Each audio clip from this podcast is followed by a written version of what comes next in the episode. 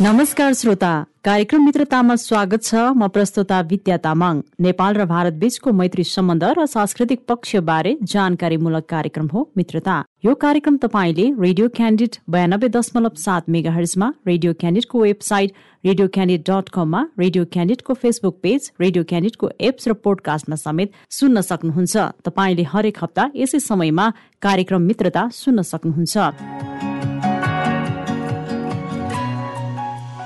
यो कार्यक्रममा हामी नेपाल र भारतको आपसी सम्बन्धका गतिविधि विकास निर्माणका काम नेपाल र भारतका विभिन्न ठाउँमा चलिरहेका मित्रतापूर्ण कार्यक्रम र दुई देशबीच हुने नयाँ नयाँ घटनाका विषयमा प्रत्यक्ष जानकारी दिने गर्छौं। नेपाल र भारत बीच विशेष सम्बन्ध ऐतिहासिक धार्मिक सांस्कृतिक र व्यापारिक दृष्टिकोणले पनि दशकौंदेखि बहुआयामिक रहिआएको छ। यस्तै नेपालदेखि रोजगारी व्यापार व्यवसायका लागि भारत पुग्ने नेपाली तथा भारतबाट नेपाल आउने नागरिकको संख्या पनि उल्लेखनीय रहेको छ। जसले गर्दा दुई देशबीचको मित्रता कुनै औपचारिकतामा मात्र होइन खुल्ला सिमानाले गर्दा नागरिक बीचमा पनि सौहार्दपूर्ण सम्बन्ध छ। आजको कार्यक्रममा हामी नेपाल र भारतबारे भइरहेका विकास निर्माणका गतिविधि रूपन्देही जिल्लाको बोटोल उपमहानगरपालिकामा अवस्थित नहरपुर माध्यमिक विद्यालयको नयाँ भवन निर्माण बारे तयार पारिएको रिपोर्ट र सो भवन सम्बन्धी यसै विद्यालयका प्राध्यापक ईश्वर गौतमसँगको अन्तर्वार्ता प्रस्तुत गर्नेछौ। आजको कार्यक्रमको सुरुमा नेपाल र भारतबीच भइरहेका मैत्रीपूर्ण सम्बन्धका समाचारतर्फ लागौं। संचार तथा सूचना प्रविधि मन्त्री ज्ञानेन्द्र बहादुर कार्कीले उद्यमशीलताको प्रवर्धनमा सरकार प्रतिबद्ध रहेको बताउनु भएको छ। गत बुधबार काठमाडौँमा कनेक्ट इनको तेस्रो संस्करण अन्तर्गत तेस्रो अन्तर्राष्ट्रिय उद्यमशीलता सम्मेलनको उद्घाटन गर्दै मुलुकको आर्थिक विकासमा उद्यमशीलताको भूमिका निकै महत्वपूर्ण रहेको भन्दै यसको प्रवर्धनमा सरकार प्रतिबद्ध रहेको उहाँले बताउनुभयो। मन्त्री कार्कीले उद्यमशीलताको विकास स्टार्टअप व्यवसायलाई नेपाल सरकारले प्रोत्साहित गर्ने नीति लिएको पनि बताउनुभयो। सरकारले मुलुकको आर्थिक गतिविधिलाई चलायमान बनाउन वैदेशिक लगानी भित्र्याउन लगानी मैत्री नीति लिएको र सेवा प्रवाहलाई सरलीकृत गर्दै प्रक्रियागत झन्झटलाई हटाइएको पनि उहाँले बताउनुभयो। सरकारले स्थापना गरेको एकल बिन्दु सेवाबाट उद्योगी व्यवसायलाई व्यावसायिक गतिविधि बढाउन सहयोग मिलेको उहाँको भनाइ थियो। उहाँले व्यवसाय प्रवर्धन उद्यमीको क्षमता अभिवृद्धि र वित्तीय सहजीकरण गर्न सरकारले सो सम्बन्धी नीति परिमार्जन गरेको बताउनुभयो।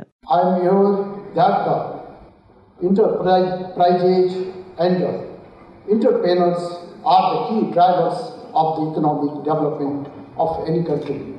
One cannot find the single example of a country which has been developed without producing goods or services and without entrepreneurship. You cannot imagine to invent and to produce the goods and services. The government of Nepal recognizing the role of enterprises, entrepreneurs is always supportive to them. Nepal is aiming to become a middle income country by 2030, thereby achieving all SDGs. This may be sound a difficult task, but it is not impossible given our joint effort. Our plans and programs are directed towards this goal. The government of Nepal is open to partner with the private investors, innovators, and enterprising minds. In order to support entrepreneurs, the government has designed and implemented several programs for skill capacity development, financial support, and entrepreneurship development. A startup fund has been established from where the innovating youth get support त्यस्तै नेपालका लागि भारतीय राजदूत क्वात्राले अन्वेषण र उद्यमशीलता भारत सरकारको प्राथमिकतामा रहेको जानकारी दिँदै उहाँले भारत र नेपालका युवा उद्यमीको क्षमता अभिवृद्धि गर्न सम्मेलनले महत्वपूर्ण भूमिका खेल्ने विश्वास व्यक्त गर्नुभयो।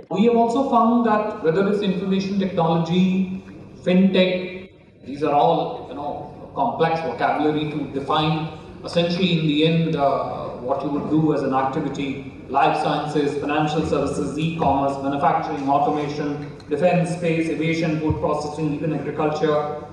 Startups, you will find, are very deeply penetrated into each part of the uh, each part of uh, our economy in a manner that they look at challenges, try to find a solution. Once they find a solution, try to market the solution and commercialize it very quickly in terms of business opportunity, and then take it forward.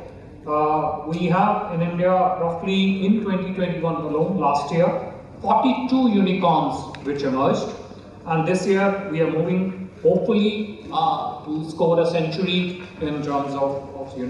Clough B business innovations र काठमाडौँ स्थित भारतीय दूतावासको सहकार्यमा connect इनको तेस्रो संस्करणको रूपमा सम्मेलनको आयोजना गरिएको हो कनेक्ट इनको पहिलो संस्करण सन् दुई हजार अठार र दोस्रो संस्करण सन् दुई हजार उन्नाइसमा भएको थियो वीरगंज स्थित भारतीय महावाणिज्य दूतावासद्वारा गत बुधबार बिहार सरकार र मध्य प्रदेश सरकार बीच पर्यटनको प्रवर्धन शीर्षकमा होटल विश्वा वीरगंजमा छलफल आयोजना गरिएको छ। द्विपक्षीय पर्यटन प्रवर्धन गरी दुईतर्फका पर्यटकले भोग्नु परेका कठिनाईहरू समाधान गर्ने र यस सम्बन्धमा सरकारी तथा निजी निकायहरू बीचको सम्पर्क कायम गर्ने उद्देश्यले कार्यक्रमको आयोजना गरिएको हो। सो कार्यक्रमको प्रमुख अतिथि मध्य प्रदेशका उद्योग पर्यटन तथा वन मन्त्री शत्रुघ्न महतो पर्साका प्रमुख जिल्ला अधिकारी प्रहरी उपरीक्षक सशस्त्र प्रहरी र एनआईडी पर्सा पर्सा राष्ट्रिय निकुञ्जका प्रतिनिधि लगायतको सहभागिता रहेको थियो। छलफलमा भारत र नेपालका तर्फबाट आफ्ना धारणा राखेका थिए। मध्य प्रदेश र बिहारको पूर्वी र पश्चिमी चम्पारण जिल्लामा पर्यटकीय गन्तव्य प्रवर्धन तथा सीमामा हेल्प डेस्क स्थापना गर्नुपर्ने विषयमा पनि छलफल भएको थियो। ताप्लेजुङ जिल्लाको सिनाम स्थित श्री सिनाम उच्च माध्यमिक विद्यालयको नयाँ विद्यालय भवनको उद्घाटन गरिएको छ। गत सोमबार प्रतिनिधि सभाका सदस्य योगेश भट्टराई संविधान सभा सदस्य भूपेन्द्र थेबे र रोहित मिश्रले सो भवनको संयुक्त रूपमा उद्घाटन गर्नु भएको हो। आफ्नो स्वतन्त्र दिवसको पचहत्तरौं वार्षिक उत्सवका अवसर पारेर मनाइन लागेको आजादीका अमृत महोत्सवको उपलक्ष्यमा भारतले नेपाललाई पचहत्तरवटा परियोजनाहरू निर्माण गरिदिने प्रतिबद्धता गरेको थियो। यस विद्यालय पनि सोही परियोजना अन्तर्गत एक रहेको बताइएको छ। कुल तीन करोड़ दस लाख रुपियाँ लागतमा निर्मित यस भवनमा हाल सोह्र सय विद्यार्थी अध्ययनरत छन्। सन् उन्नाइस सय पचासमा यस विद्यालयको स्थापना भएको हो। सन् दुई हजार तीन यता भारतले नेपालमा पाँच सय तेइस भन्दा बढी उच्च प्रभाव सामुदायिक विकास परियोजनाहरू अघि बढाइसकेकोमा चार सय सडसठीवटा सम्पन्न भइसकेका छन्। ती मध्ये ताप्लेजुङका दुई गरी प्रदेश एकमा अठहत्तरवटा रहेका छन्। यसका अतिरिक्त भारत सरकारले ताप्लेजुङ जिल्लाका विभिन्न स्वास्थ्य चौकीलाई हालसम्म सातवटा एम्बुलेन्स उपहार स्वरूप प्रदान गरिसकेको छ। नजिकको छिमेकी भएको नाताले भारत र नेपाल बीच बहुपक्षीय एवं बहुक्षेत्रीय सहकार्य रहिआएको छ। यस परियोजनाको कार्यान्वयनले नेपाली जनताको जीवनस्तर उकास्न नेपाल सरकारले गरेको प्रयासहरूमा भारत सरकारले पुर्याउँदै आएको निरन्तर सहयोगलाई प्रतिबिम्बित गर्दछ। समाचारपछि आजको कार्यक्रमको मुख्य विषय वस्तुतिर लागौं। रूपन्देही जिल्लाको बुटोल उपमहानगरपालिका नहरपुर माध्यमिक विद्यालयको नयाँ भवन निर्माण सम्बन्धी तयार पारिएको रिपोर्ट। प्रस्तुत गर्दै हुनुहुन्छ साथी माधव तिमिल सिन्हा। रूपन्देहीको बुटवल उपमहानगरपालिकाको नहरपुर माविमा बालमैत्री र भूकम्प प्रतिरोधी अर्को नयाँ भवन निर्माण सुरु भएको छ।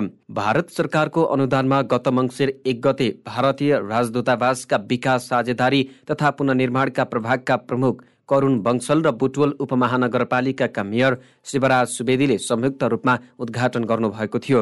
हाल सो विद्यालयमा निम्न आय भएका विद्यार्थीहरू अध्ययनरत छन्। निर्धारित समयमै पूरा भएको खण्डमा आउने जेठको अन्तिम साता निर्माण कार्य सम्पन्न गर्ने तयारी गरिएको छ। अनुमानित चार लाख रुपियाँमा निर्माण भइरहेको नयाँ भवनमा डिपिआरको काम भइरहेको बताउनुहुन्छ बुटवलका नगर प्रमुख शिवराज सुवेदी। यही आउने जेठको अन्तिम सम्बन्धमा त्यसको म्याद छ। र त्यो चाहिँ तिन करोड माथिको चाहिँ चार करोड समथिङको हो। यहाँ चाहिँ टेन्डर बिड हुँदाखेरि तिन तिन करोड समथिङमा चाहिँ दुई तला बिस कोठा भवन हाम्रो बन्ने हो। त्यो चाहिँ अब तलको ग्राउन्डको काम सकिएर अनि माथिको पिल्लर उठिसकेको अवस्थामा छ र काम चाहिँ तीव्र गतिमा अगाडि बढेको छ। सुरुकालमा थोरै कोरोनाले चाहिँ केही समय डिस्टर्ब गर्यो दोस्रो लहरले। अरू चाहिँ काम चाहिँ भौतिक प्रगति राम्रैसँग अगाडि बढिरहेको छ। हजुर अब यसका लागि प्राविधिक टोलीहरू चाहिँ यहीँबाट परिचालन भइरहेका छन् कि?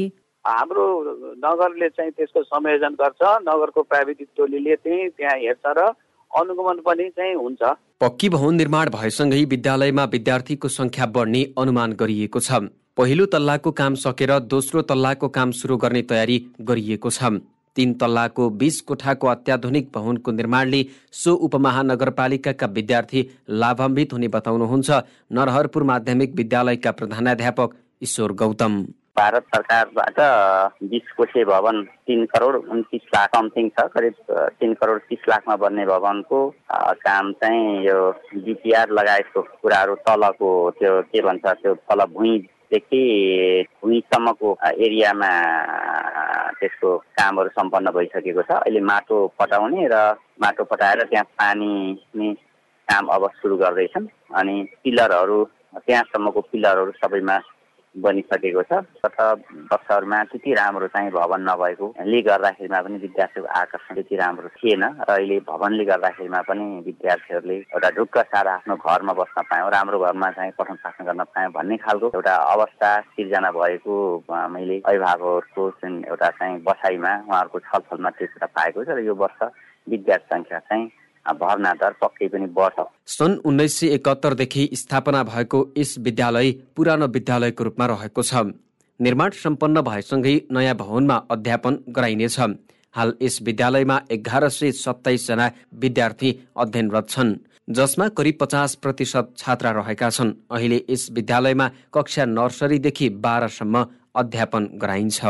यो त थियो रूपन्देही जिल्लाको बुटोल उपमहानगरपालिकामा अवस्थित नहरपुर माध्यमिक विद्यालयको नयाँ भवन निर्माण सम्बन्धी तयार पारिएको रिपोर्ट प्रस्तुत गर्दै हुनुहुन्थ्यो सहकर्मी माधव तिमिल सिन्हा। आजको कार्यक्रममा हामी नहरपुर माध्यमिक विद्यालयको नयाँ भवन निर्माण सम्बन्धी यसै विद्यालयका प्रधानाध्यापक ईश्वर गौतमसँगको कुराकानी प्रस्तुत गर्दैछौ। प्रधानाध्यापकज्यू हजुरलाई कार्यक्रममा स्वागत छ। जस्तै गत मङ्सिर एक गते नहरपुर माध्यमिक विद्यालयमा बाल मैत्री र भूकम्प प्रतिरोधी नयाँ भवन निर्माण कार्य सुरु भयो। भारत सरकारको अनुदानमा अहिले यसको प्रक्रिया कसरी अगाडि बढिरहेको छ? भारत सरकारबाट बिस कोठे भवन तिन करोड उन्तिस लाख समथिङ छ। करिब तिन करोड तिस लाखमा बन्ने भवनको काम चाहिँ यो डिपिआर लगायतको कुराहरू तल भुइँदेखि भुइँसम्मको एरियामा कामहरू सम्पन्न भइसकेको छ। अहिले माटो पटाउने र माटो पटाएर त्यहाँ पानी राख्ने काम अब सुरु गर्दैछन्। अनि पिलरहरू त्यहाँसम्मको पिलरहरू सबैमा बनिसकेको छ। कामहरू ठिकै छ अगाडि बढिराखेको छ हजुर अब यसको डिजाइन चाहिँ दूतावासबाटै प्राविधिक टोलीहरू आउनुभयो कि हाम्रो नगरपालिकाबाट चाहिँ प्राविधिक टोलीहरू खटाइएको छ? यो डिजाइन हामीले पहिला प्रपोजल राख्यौँ। प्रपोजल राखिसकेपछि त्यही जुन प्रपोजल हाम्रो स्वीकृति भएको छ त्यही स्वीकृति भएको प्रपोजलबाटै त्यो कामहरू अगाडि बढे त्यसका लागि हामी पहिला विद्यालयले प्रपोजल राख्दाखेरि बनाएको जुन भवनको डिजाइन हो त्यही डिजाइनलाई नगरपालिकासँग सहकार्य गरेर त्यसलाई नै फाइनल रूप दिएर अनि कामहरू अगाडि बढेको छ। यो कहिलेसम्म तयार हुन्छ? यो तयार हुने खास हाम्रो एग्रिमेन्ट भनेको उन्नासी जेठ पच्चिस गतिभित्र हो। हाम्रो एग्रिमेन्ट भएको र अब त्यहाँसम्म काम सम्पन्न हुन्छ भन्नेमा छ तर अहिलेको यो कामको प्रकृति हेर्दाखेरिमा त्यति बेलासम्म सकिएला जस्तो चाहिँ देखिँदैन। हजुर अब यस विद्यालयमा हाल कति विद्यार्थीहरू अध्ययनरत छन्? अहिले साढे तेह्र विद्यार्थी अध्ययनरत छन्। हाम्रो कक्षा कतिदेखि सञ्चालन हुँदैछ? नर्सरीदेखि बाह्र क्लाससम्म सञ्चालन छ। अनि यहाँको एउटा अलिकति बुटोलभित्रको पनि अलि रिमोट खोलाको दुई किनारको खोलामा रहेको विद्यालय हो। यहाँ अत्याधिक मात्रामा जनजाति र दलितहरूले पढ्ने विद्यालय हो। असाध्यै निम्न आय वर्ग जुन यो गिटी ठोकेर बालुवा टालेर अनि त्यसपछि मजदुरी गरेर पढ्ने विद्यार्थीहरूका मतलब अभिभावकका सदस्यहरू पढ्ने विद्यालय हो। आर्थिक अवस्था अत्यन्तै नाजुक भएको समाजमा अवस्थित विद्यालय हो। त्यस कारण पनि यो विद्यालयमा हामीले काम गर्दाखेरिमा अलिकति समस्या नै छ। अब त्यहाँको लिभिङ स्ट्यान्डर्ड त्यति हाई छैन सरकारी विद्यालय भएको हुनाले हामी फिस लिने कुरा भएन। हामी लिएका पनि छैनौँ।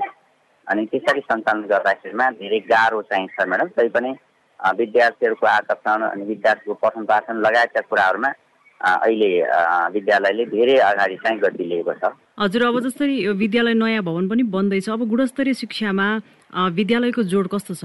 अब हामीले अब अब हामीले भवन बनिसकेपछि एउटा हामीले पाँच वर्ष सुधार कार्ययोजना बनाउन यो पटक हामी गइराखेका छौँ। र त्यो शैक्षिक सुधारको जुन योजना बनाइसकेपछि अब हामी विद्यार्थीको शैक्षिक क्वालिटीमै हामी चाहिँ ध्यान दिन्छौँ। र अब यहाँको जुन विद्यार्थीको अवस्था हेर्दाखेरिमा रेगुलर नआउने आइ आइसकेपछि छोड्ने अवस्था हुने अनि छोड्दाखेरिमा पैसा नभएकै कारणले आफ्नो घरमा घर जुन जीविकोपार्जन गर्नका लागि पनि मजदुरी काम गर्ने त्यस्तो अवस्थाहरू भएको हुनाले हामीले सोचे जस्तो पठन पाठन विगतका समयमा गर्न सकिएको छैन तर पनि अहिले कर्मिक रूपमा पठन पाठनमा धेरै सुधार छ। गत धेरै वर्ष अगाडिदेखि न बााउन्ड्री थियो न खानेपानीको व्यवस्था थियो न त्यहाँको एउटा यो फिल्डहरू विद्यार्थीलाई खेल्ने फिल्ड नै राम्रो थियो। कुनै त्यस्तो शैक्षिक वातावरण त्यति राम्रो थिएन केही वर्ष अगाडि। अहिले त्यो सुधार हुँदैछ नगरपालिकाले पनि सपोर्ट गरेको छ अनि समुदायको पनि सपोर्ट छ र हामी शिक्षकहरू पनि धेरै मिहिनेत गरेर लगनशील चाहिँ छौँ। त्यसले गर्दाखेरिमा पनि अब विद्यार्थीहरूको पठन पाठनको आकर्षण केन्द्र चाहिँ बढिराखेको छ। हामीले गत वर्ष जुन विद्यार्थी जुन भर्नामा हामीले हेर्दाखेरिमा केही वर्ष चाहिँ एकदम विद्यार्थी चाहिँ बढिराखेको छ र अहिले पनि भर्ना अभियान नसञ्चालन नहुँदै पनि अभिभावकको चाहिँ एउटा रोजाइ चासो अब एउटा जिज्ञासा चाहिँ विद्यालयमा आएर भर्नाको विषयमा भइराखेको अवस्था देखाएको छ अहिले हजुर अब प्रधानाध्यापकजी अब नयाँ भवन निर्माण भएसँगै विद्यार्थी आकर्षित हुने कतिको सम्भावना पाउनु भएको छ राम्रो आकर्षण छ किनकि अहिले एउटा त भारतीय राजदूतावासबाट भारतीय सरकारले जुन यो भवन बनाइदिएको छ भन्ने एउटा प्रकारले पनि त्यहाँको धेरैजसो भूभू सैनिकहरूका बच्चा बच्चीहरू पनि त्यहाँ पढ्ने र त्यसले पनि एउटा चाहिँ खुसियाली छाएको छ। र अर्को गत वर्षहरूमा त्यति राम्रो चाहिँ भवन नभएकोले गर्दाखेरिमा पनि विद्यार्थीको आकर्षण त्यति राम्रो छैन थिएन। र अहिले भवनले गर्दाखेरिमा पनि विद्यार्थीहरूले एउटा ढुक्क सार आफ्नो घरमा बस्न पायौँ राम्रो घरमा चाहिँ पठन पाठन गर्न पायौँ भन्ने खालको एउटा अवस्था सिर्जना भएको मैले अभिभावकहरूको जुन एउटा चाहिँ बसाइमा उहाँहरूको छलफलमा त्यो कुरा पाएको छ। र यो वर्ष विद्यार्थी सङ्ख्या चाहिँ भर्ना दर पक्कै पनि बढ्छ र बढ्ने अवस्था अहिले अभिभावकको जुन भनाइ नै हो भन्ने मलाई लाग्छ। प्रधानध्यापकज्यू हजुरले हामीलाई समय उपलब्ध गराइदिनु भयो। यहाँलाई धेरै धन्यवाद। धन्यवाद म्याडम हजुरले विद्यालयको विषयमा जुन आफ्नो भनाइ राख्ने मौका दिनुभयो त्यसको लागि म्याडम लगायत सबै यहाँहरूको संस्थालाई चाहिँ विद्यालयको तथा र यो नहरपुर मावि बुटोल एघार रूपन्देहीमा अवस्थित छ। यसको प्रधानाध्यापक वैशाली सिङ्गो विद्यालयको तथा र यहाँलाई हार्दिक धन्यवाद र आभार प्रकट गर्न चाहन्छु। उहाँसँगको यो कुराकानीसँगै कार्यक्रम मित्रताको आजको समय सकिने लागेको छ। आजको कार्यक्रममा हामीले साताभरिका नेपाल भारतका गतिविधि रूपन्देही जिल्लाको बुटोल उपमहानगरपालिकामा अवस्थित नहरपुर माध्यमिक विद्यालयको नयाँ भवन निर्माणबारे तयार पारिएको रिपोर्ट र सो भवन सम्बन्धी यसै विद्यालयका प्रधानाध्यापक ईश्वर गौतमसँगको कुराकानी प्रस्तुत गर्यौं। अर्को हप्ता नयाँ र फरक विषय लिएर आउनेछौ। आजको कार्यक्रमबाट सहकर्मी माधव तिमिल सिन्हा प्राविधिक मित्र सृजना भुजेलसँगै म प्रस्तुता विद्या तामाङ पनि विदा हुन्छु। नमस्कार।